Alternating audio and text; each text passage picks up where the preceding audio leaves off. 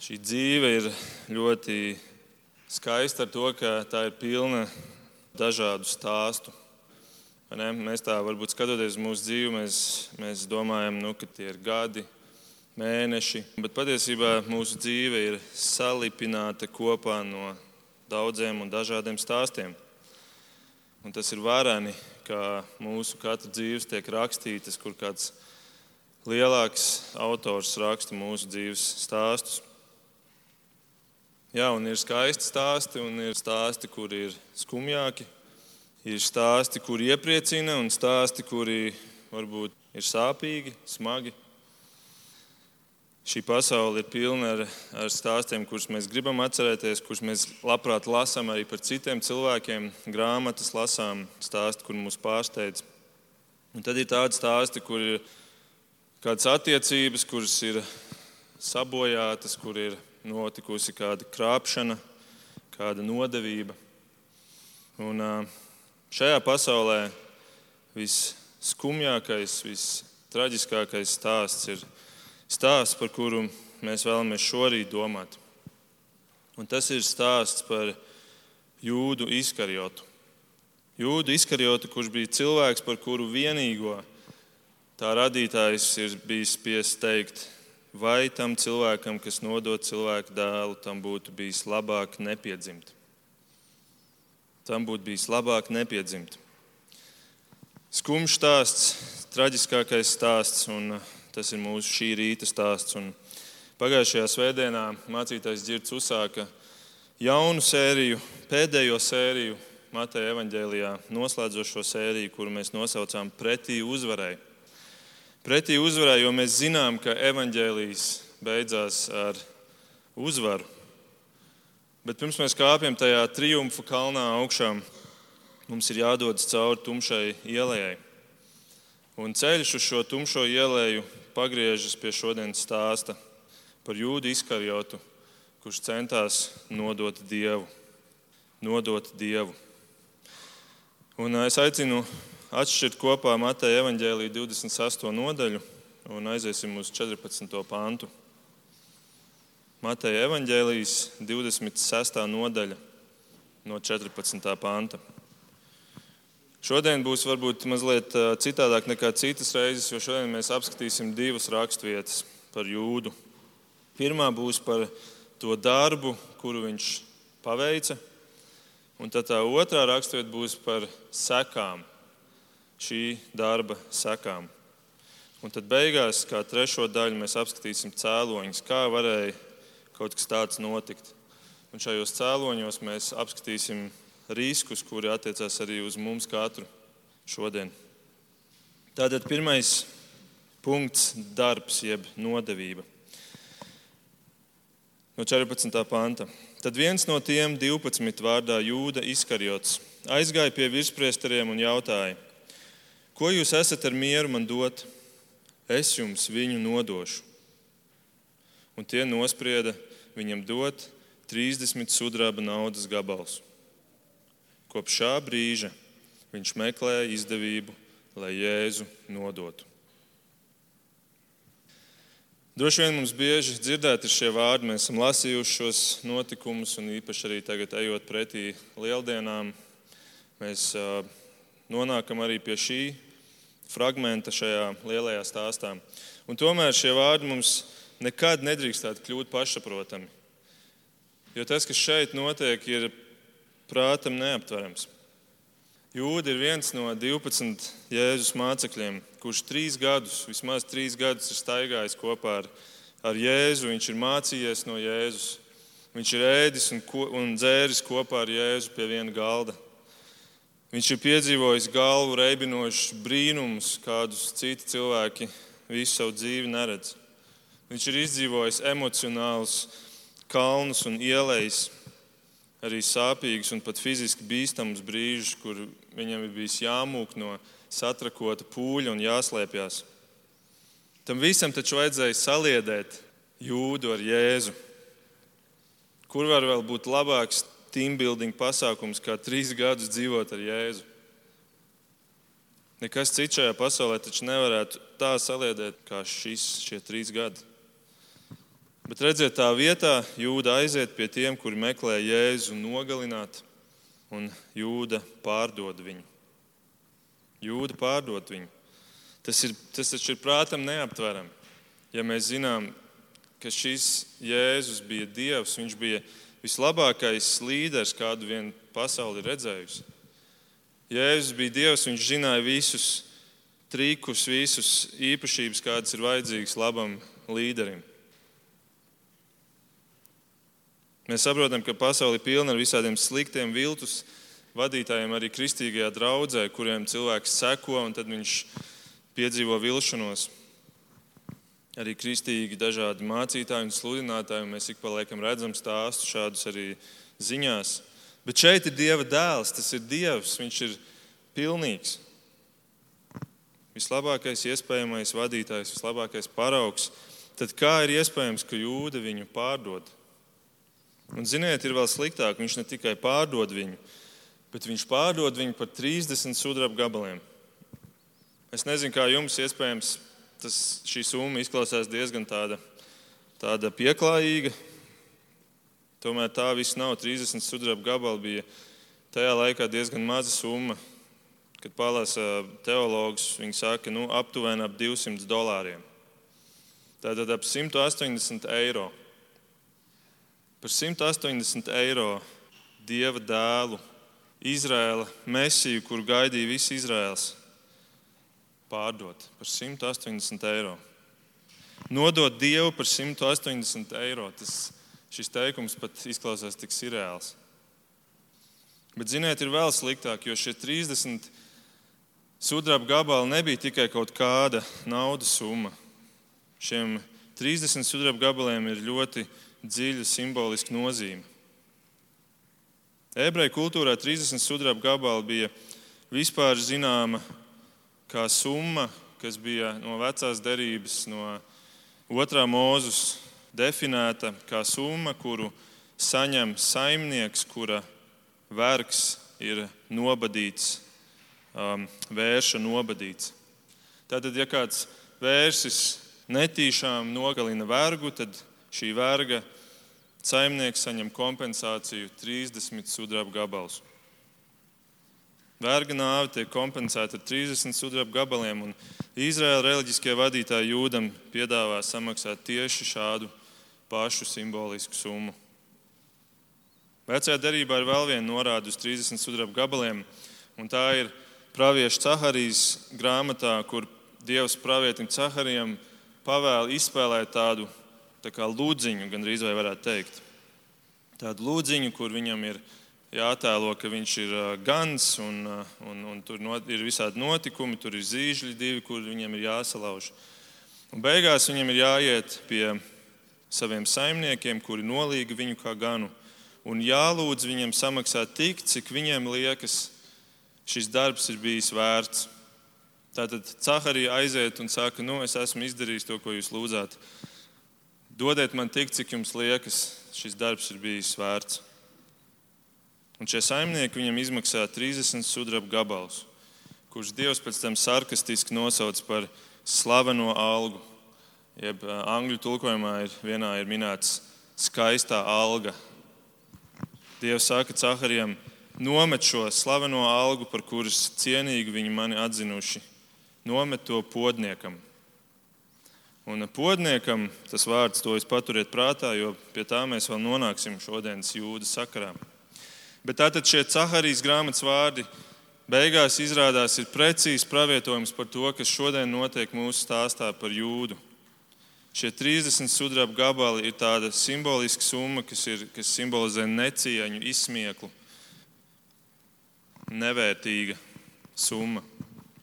Un eh, virspresteri un jūda Jēzu novērtē, ka viņš ir 30 sudraba gabalus vērts. Citiem vārdiem sakot, kompensācija par verga Jēzus nāvi. Mēs redzam, cik zemu Jēzus tika novērtēts jūdas acīs. Un kas ir interesanti, ka tieši pirms šī bija tas, ko mācītājs Girts pagājušajā reizē runāja. Tas milzīgais kontrasts, kur ir sieviete, kur atnāk un, un svaida Jēzu ar nežēlīgu dārgu eļu. Ar nežēlīgu dārgu eļu. Viņai Jēzus bija tik svarīgs, ka viņa bija gatava izliet šo eļu Jēzum uz galvas. Vai pāris dienas atpakaļ mēs lasījām, ka Marija svaidīja Jēzus kājas ar dārgu eļu. Un ziniet, kas tur bija blakus un pukstēja par šo? Tieši tā, jūda izkarjots. Viņš todien atbildēja, kādēļ šo svaidāmo eļu tu nepārdevi par 300 denāriem un naudu neizdalīja nabagiem? Un tad tur ir komentārs. To viņš nerunāja tādēļ, ka viņam rūpēja nabagi, bet tādēļ, ka viņš bija zaglis. Pāraudzīdams kopīgo naudu, viņš piesavinājās saziedoto. Redziet, šis kontrasts, šīs divas sievietes ir gatavas atdot bagātību, lai izrādītu cieņu un godu Jēzum. Bet jūda piekrīt 180 eiro vērtam avansa maksājumam, lai nodotu Jēzu, lai nodotu Dievu. Un izdevība drīz vien parādās, un mēs zinām, jūda nodod Jēzu ar slaveno skūpstu. Izsmiekla kulminācija, ironijas kalngals. Un tā mēs varam pāršķirt tagad uz Mateja 27. nodaļu. Un tur mēs izlasīsim otro fragment, kas ir no 3. panta. Pa vidu tur norisinās vēl visādas lietas. Protams, tur notiek jēzus apcietināšana, kas ir pilnīgi nelikumīga. Notiek visādi, visādas liecības sniegšanas, un par to visu mēs runāsim vēl nākamajās nedēļās. Bet tagad, trešajā pantā, mēs lasām, kad jūda viņa nodevējs redzēja. Pagaidām apstāsimies šeit. Tātad jūda to visu redz, kas tur notiek. Viņš redz, kā Jēzu apsaukā, kā viņam spļauj sejā, kā viņam sit sejā, kā viņu kā sniedz nepatiesas liecības par viņu, kā viņu sūta tur pie Poncija Pilāta un tad pie Heroda. Un, un viņš to visu redz, viņš acīm redzot ir klāt. Mēs nezinām precīzi, kur un kā, bet acīm redzot, viņš stāv šo nodevēju virspriesteru pusē un redz to visu. Tātad, kad jūda viņa nodevējs redzēja, ka Jēzus notiesāts uz nāvi, viņš sirdsapziņas mocīts kaut ko dara. Atkal apstāsimies šeit. Tad, tad jūda pēkšņi viņš ir sirdsapziņas mocīts. Jūda acīm redzot, ir sapratis šo, šīs sekas, šo smagumu savam darbam. Viņš redz, kāds ir iznākums. Viņš redz, ka Jēzus tik tiešām tūlīt saņems nāves sodu. Viņš tūlīt tiks nogalināts. Un kaut kas jūda galvā un sirdī notiek. Tas vārds sirdsapziņas mocīts jaunajā tulkojumā, vecajā tulkojumā ir iztulkots kā jūda nožēloja to. Un patiesībā abi šie tulkojumi, manuprāt, ir diezgan maldinoši, jo viņi neizsaka to būtību, kāda bija grieķu pamatteksta un kā arī angļu valodā tas ir iztulkots. Jo grieķu vārds patiesai nožēlai, kas aizved pie jaunpiedzimšanas, kas aizved pie jaunas radījuma, ir vārds metanoja. Un šeit netiek lietots šis vārds. Tur, kur notiek šī patiesa atgriešanās un nožēla, tur ir metanoja, bet šeit nav šī vārda. Un angļu valodā ir iztulkots šādi: He changed his mind. Tātad viņš pārdomāja, viņš mainīja savas domas. Tad jūda pēkšņi redz šo visu un viņš, viņš pārdomā. Un ko viņš dara tālāk? Jūda aiznes atpakaļ virspriesteriem un vecajiem 30 sudraba gabalus sacīdams: Es esmu grēkojis, nododams nevainīgas asins. Redziet, kaut arī viņš saprot, ka viņš ir darījis nepareizi, viņš ir mainījis savas domas, viņš saprot, ka viņš ir darījis nepareizi, ko katrs normāls cilvēks saprastu, skatoties uz šo visu notikumu. Beidzot, viņš arī to saprot.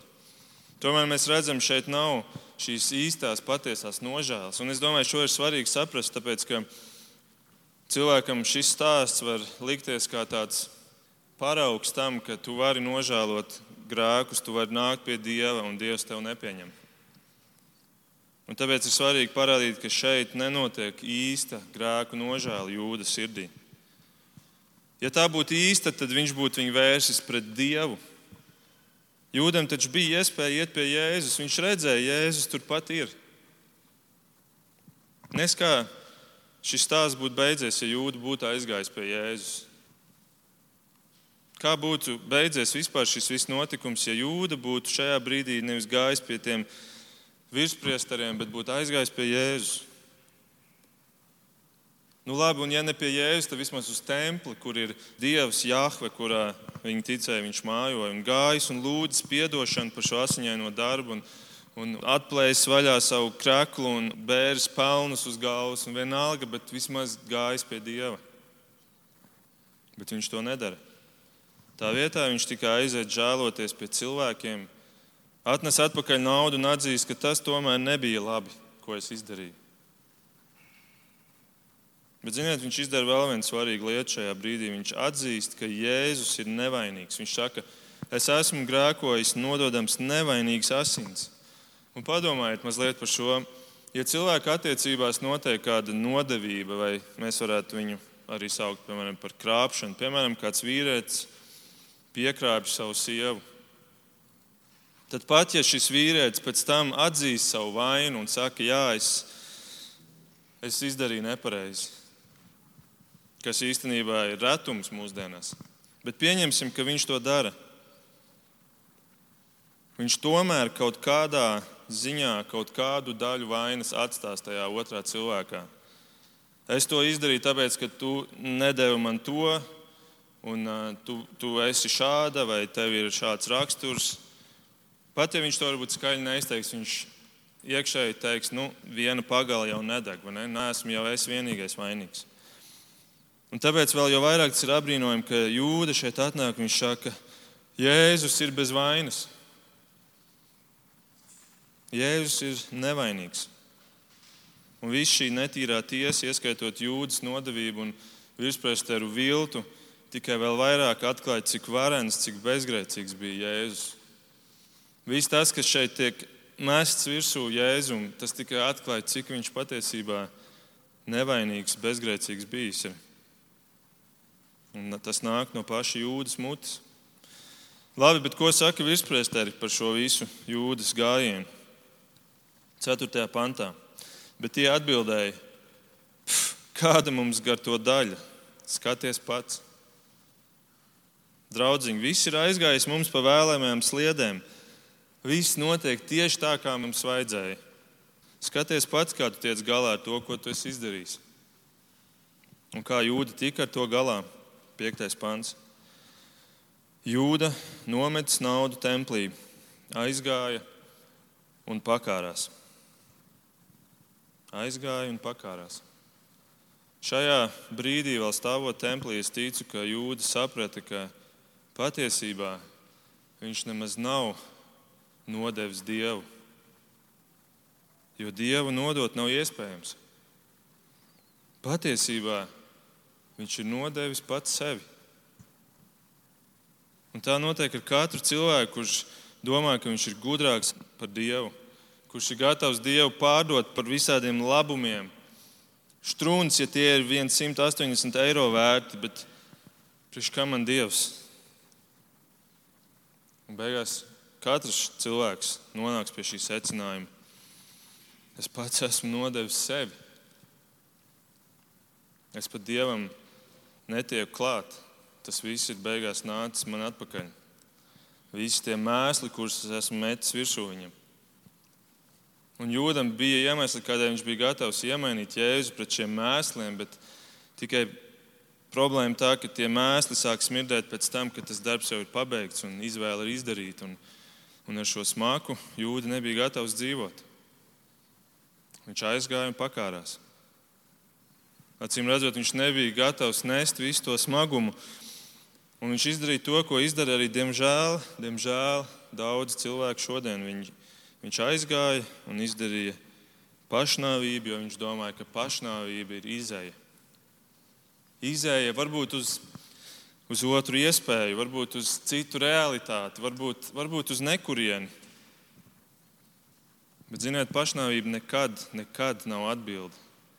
Pašnāvība nekad nav atbilde, jo pašnāvība šo sāpju pilno smago stāvokli nevis aptur, bet padara mūžīgu. padara mūžīgu. Jūda neatrisināja šo stāvokli, izdarot pašnāvību, jo šodien viņš joprojām ir šajā stāvoklī. Un es domāju, viņš domā, labāk es nemaz nebūtu piedzimis. Un šī doma noteikti atskan no katras dvēseles, kura nonāk tur, un viņi domā, ak, labāk es nemaz nebūtu piedzimis šajā pasaulē. Bet vēl viena lieta, pirms jūda pakarās, ievērojiet, ko viņš izdarīja. Viņš nometa naudu kur? Templī. Tad viņš vērga kompensācijas naudu, atgriež virspriesteriem, bet viņi to nepieņem. Tāpēc viņš aiziet un nomet to templī. Bet vārds templis ir interesants vārds šeit, jo ir divi vārdi templim. Viens vārds ir hekāla, un tas nozīmē viss templis, tā kā ēka un apkārt visi pagalmi. Bet ir otrs vārds, un tas ir naus. Un tas vārds nozīmē tempļa visvētākā vieta, visvētākā istaba jeb telpa. To, ko Bībelē sauc par svētumu, svētumu, kurā viņi ticēja, ka dzīvo Dievs, mājo Dievs. Un šajā vietā drīkstēja tikai virspriesteris ieiet vienreiz gadā. Augstais priesteris. Tikai viens cilvēks vienreiz gadā. Un jūda naudu nometa naus. Jūda acīm redzot aizgāja līdz šai svētākajai vietai un pat iegāja iekšā. Es nezinu, vai iegāja, bet viņš iemet šo naudu šeit iekšā, šajā visvētākajā vietā. Kā protests, ja jūs man neņemat atpakaļ to, tad es iešu un, un iemetīšu tur.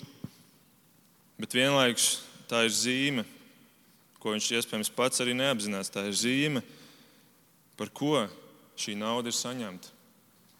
Par visvētāko cilvēku, par Dieva dēlu. Un tad jūda aiziet un pakarās. Un apakstuļu darbos mēs lasām, ka pie koka viņš pakārās un šis koks vienā brīdī salūza un jūda ķermenis pārplīsa pušu. Iespējams, viņš karājās tur tik ilgi, jo sabatā neviens nedrīkstēja skārties klāt šādam līķim, un viens viņu nenoņēma nost, un tāpēc viņš karājās, kamēr šis zars nolūza un ar savu pakāšanos, pašam iespējams arī neapzinoties, Jūda piepilda šos vārdus no Galatiešiem 3.13, kur ir rakstīts: Nolādēts ik viens, kas pakārts pie koka. Nolādēts ik viens, kas pakārts pie koka. Tikai galotiešiem šis vārds ir attiecināts uz Jēzu, kurš drīz karāsies pie krusta koka. Pārējiem skatoties uz viņu un domājot, šis nolādētais Dieva pamestais Jēzus Kristus. Bet paradoxālā kārtā arī jūda izkarjots karājas pie koka. Tikai jūda ir pa īstam nolādēts. Jēzus izdarīja savu darbu pie koka līdz galam, kamēr jūda pat to nespēja izdarīt. Viņa zars nolūst un viņš pārplīst pušu. Cik spilgta ilustrācija, cik spēcīgs kontrasts starp svēto vispēcīgo dievu un viltu pārņemto patmīlīgo cilvēku jūdu. Bet bez jūda turpat ir vēl citi patmīlīgi cilvēki, kuri turpina šo stāstu. Paklausieties, sastais pants. Virspriesteri paņēma naudu un sacīja: Nav atļauts to likt tempļa ziedojumu lādē, jo tā ir asins nauda. Nav atļauts to likt tempļa ziedojuma lādē, jo tā ir asins nauda. Kas par liekulību? Nu, pēkšņi šiem virspriesteriem ir vēlme ievērot likumu. Pēkšņi asins naudu vairs nevar likt tempļa ziedojuma lādē. Ņemt no ziedojuma lādes, lai nogalinātu kādu, to gan varēja.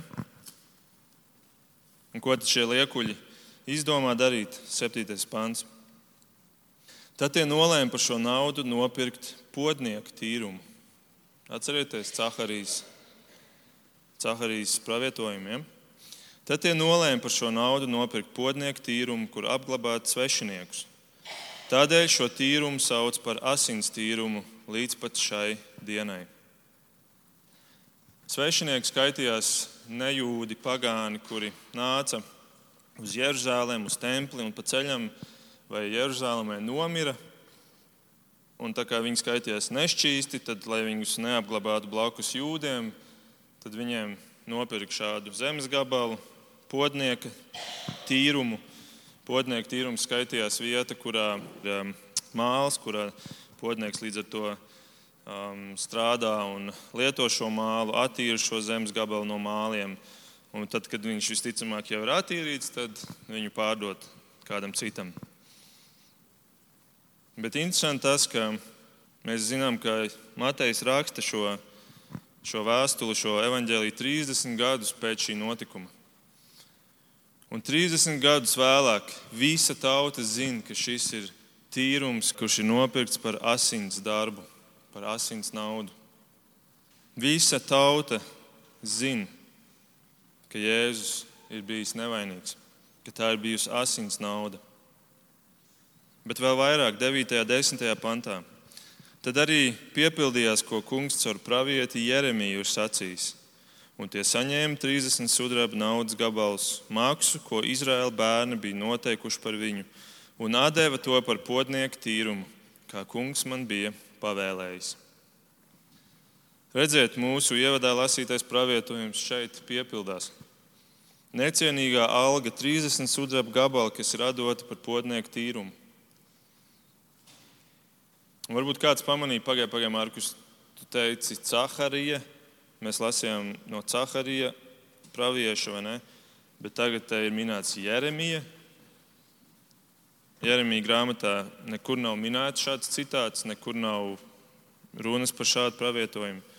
Un tā nu kādi Bībeles kritiķi saka, ha, redzi, atkal viena kļūda Bībelē. Matejs iespējams kaut ko tur saputrojās un sajauca.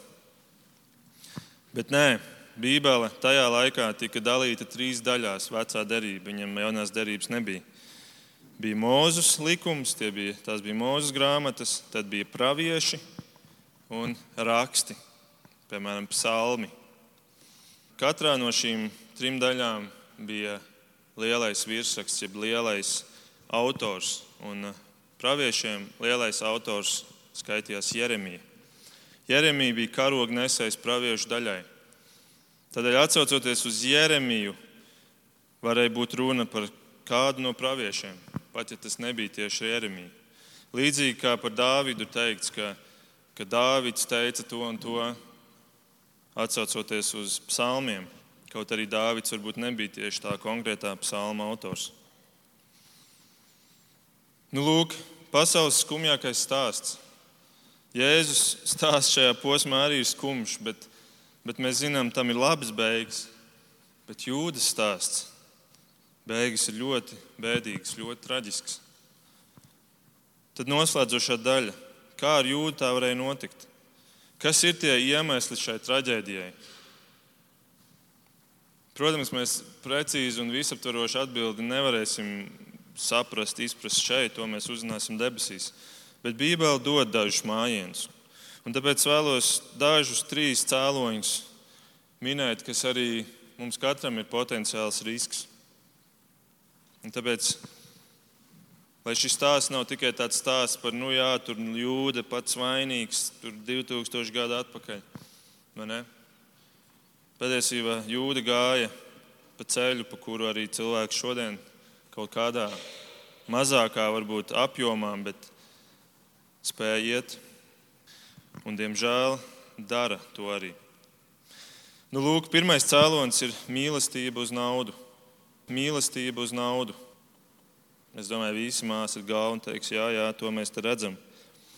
Jūda burtiski iemainīja Jēzu pret naudu.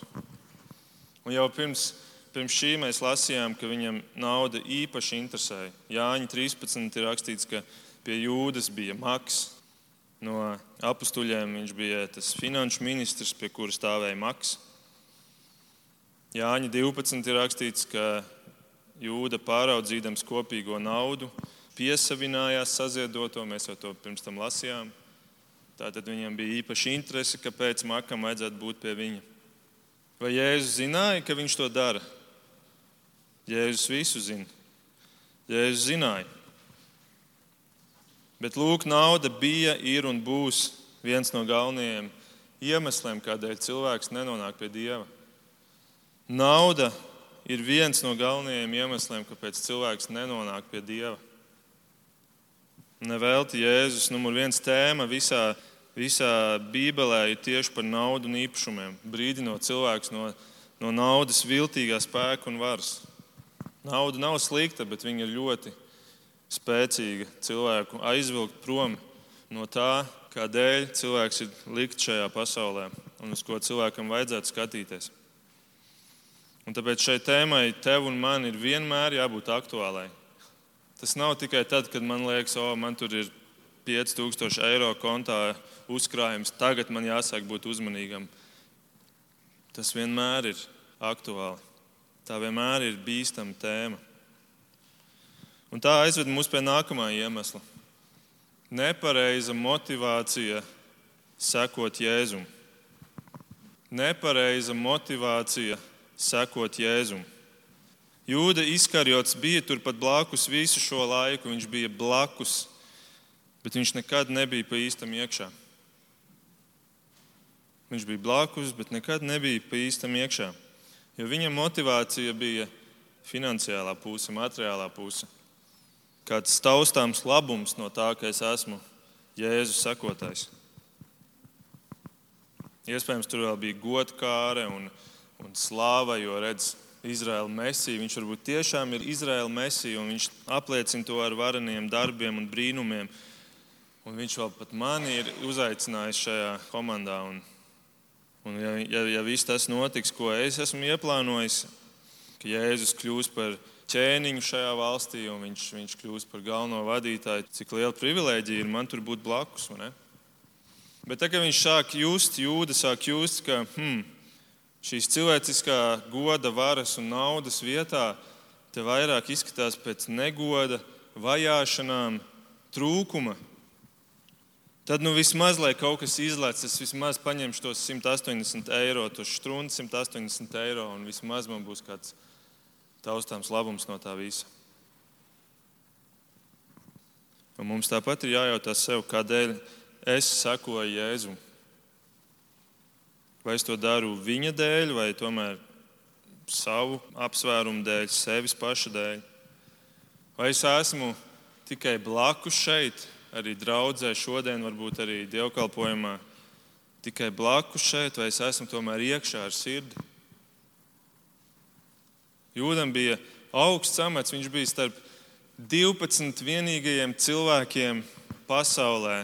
Visā vēsturē, visiem miljardiem, nezinu, triljoniem cilvēku pasaulē, kuri jebkad ir dzīvojuši, un kuri nav dzīvojuši, kuri ir nogalināti varbūt kā bērni abortos.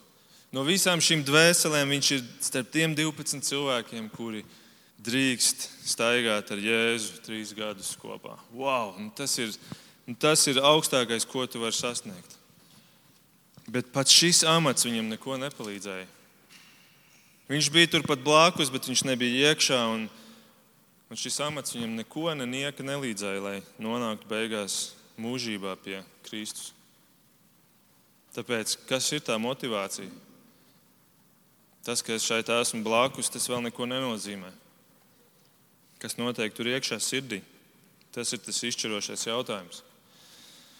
Un vēl trešais iemesls, un tas ir ļoti provokatīvs. Un, un, um, jā, par to varbūt arī pēc šī dievkalpojuma ir vērts vēl turpināt padomāt.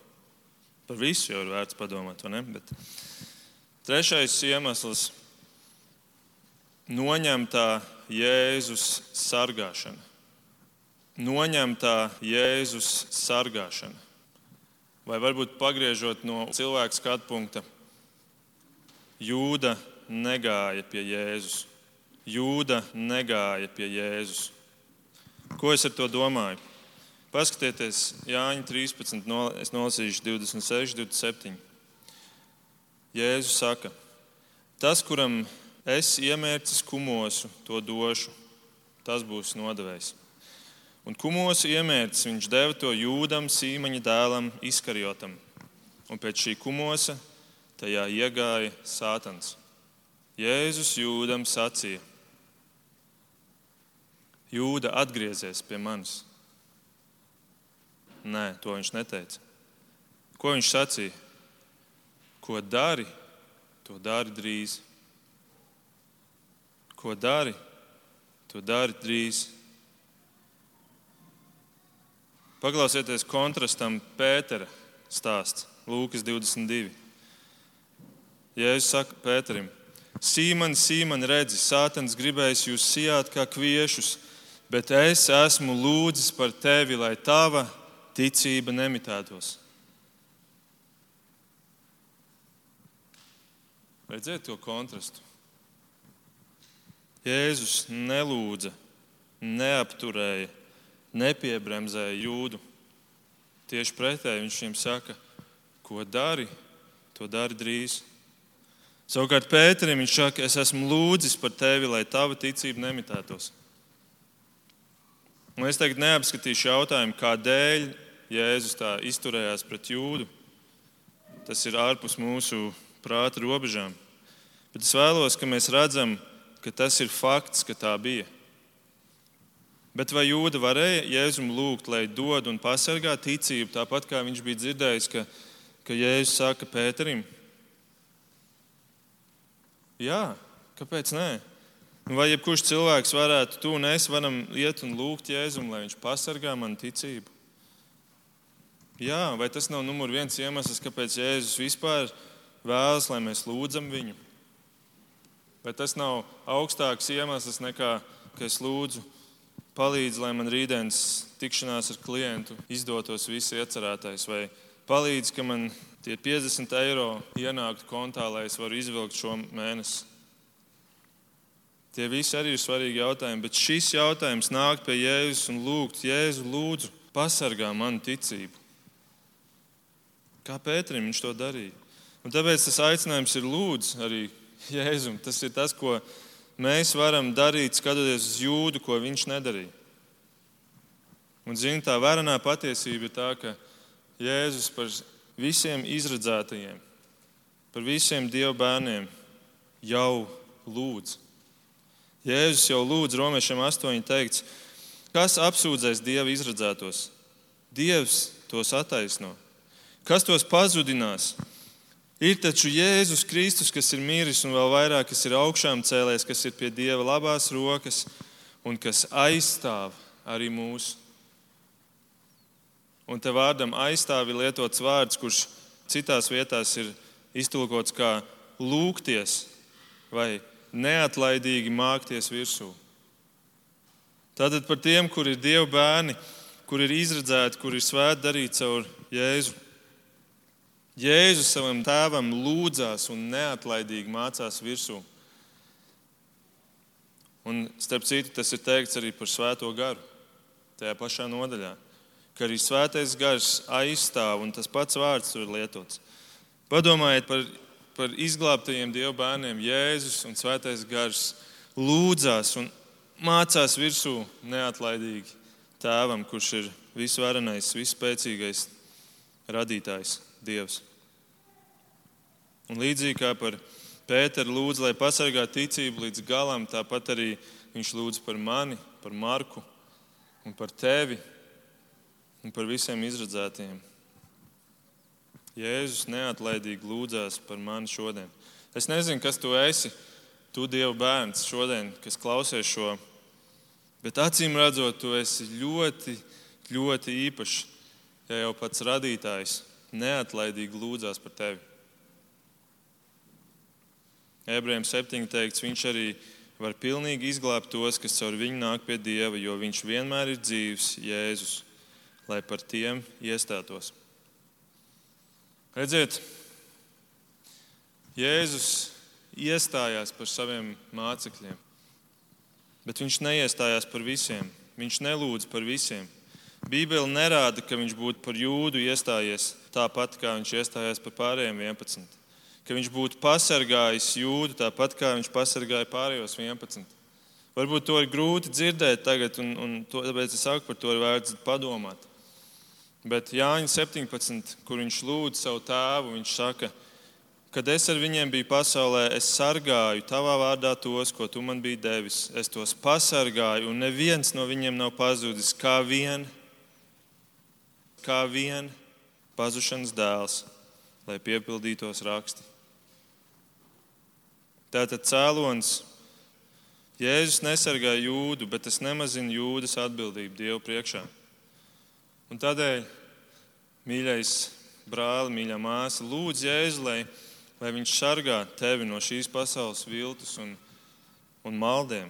Arī no visas tās naudas varas, kura pārņem mūs un kura nereti, ja ne pārsvarā visu laiku, kļūst par tādu numur viens iemeslu manai motivācijai strādāt un dzīties šajā dzīvē.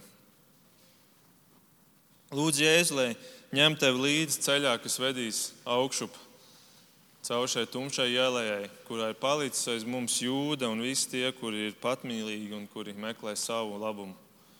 Vedīs ceļā augšup uz to kalnu, uz to triumfu kalnu, kurā Jēzus uzvarēja pasauli. Un Dieva dēls tur spīdēs. Un tu spīdēsi līdz ar viņu. Pēc lūdzu viņu. Un viņš ir solījis neatraidīt cilvēkus, kuri nāk pie viņa. Kā viņš teica, Jānis 6 nevienu, kas pie manis nāk, es nekad nedzīšu prom. Mīļais kungs, paldies tev par tavu vārdu. Paldies par šo pasauli, kas ir tik pilna ar stāstiem. Un, un mēs tikai nojaušam, cik, cik daudz ir skaistu, varenu stāstu, kuriem tu esi pieskāries. Mēs redzam, cik šī pasaule un arī sātens ir spēcīgs Un pat ne tikai sātens, bet visas tās tā nolādētā miesa, kurā mēs dzīvojam, kura tiecās pretī visiem tiem labumiem, citreiz pat 180 eiro vērtiem struntiem, kuri mūs rauj uz visām pusēm, lai tikai novērstu mūsu skatu no tevis. Bet paldies, Kungs, ka tu šo milzīgo spēku pats pārauj un pats sargā mūs un pats dod mums šo ticību un pasargā to līdz galam.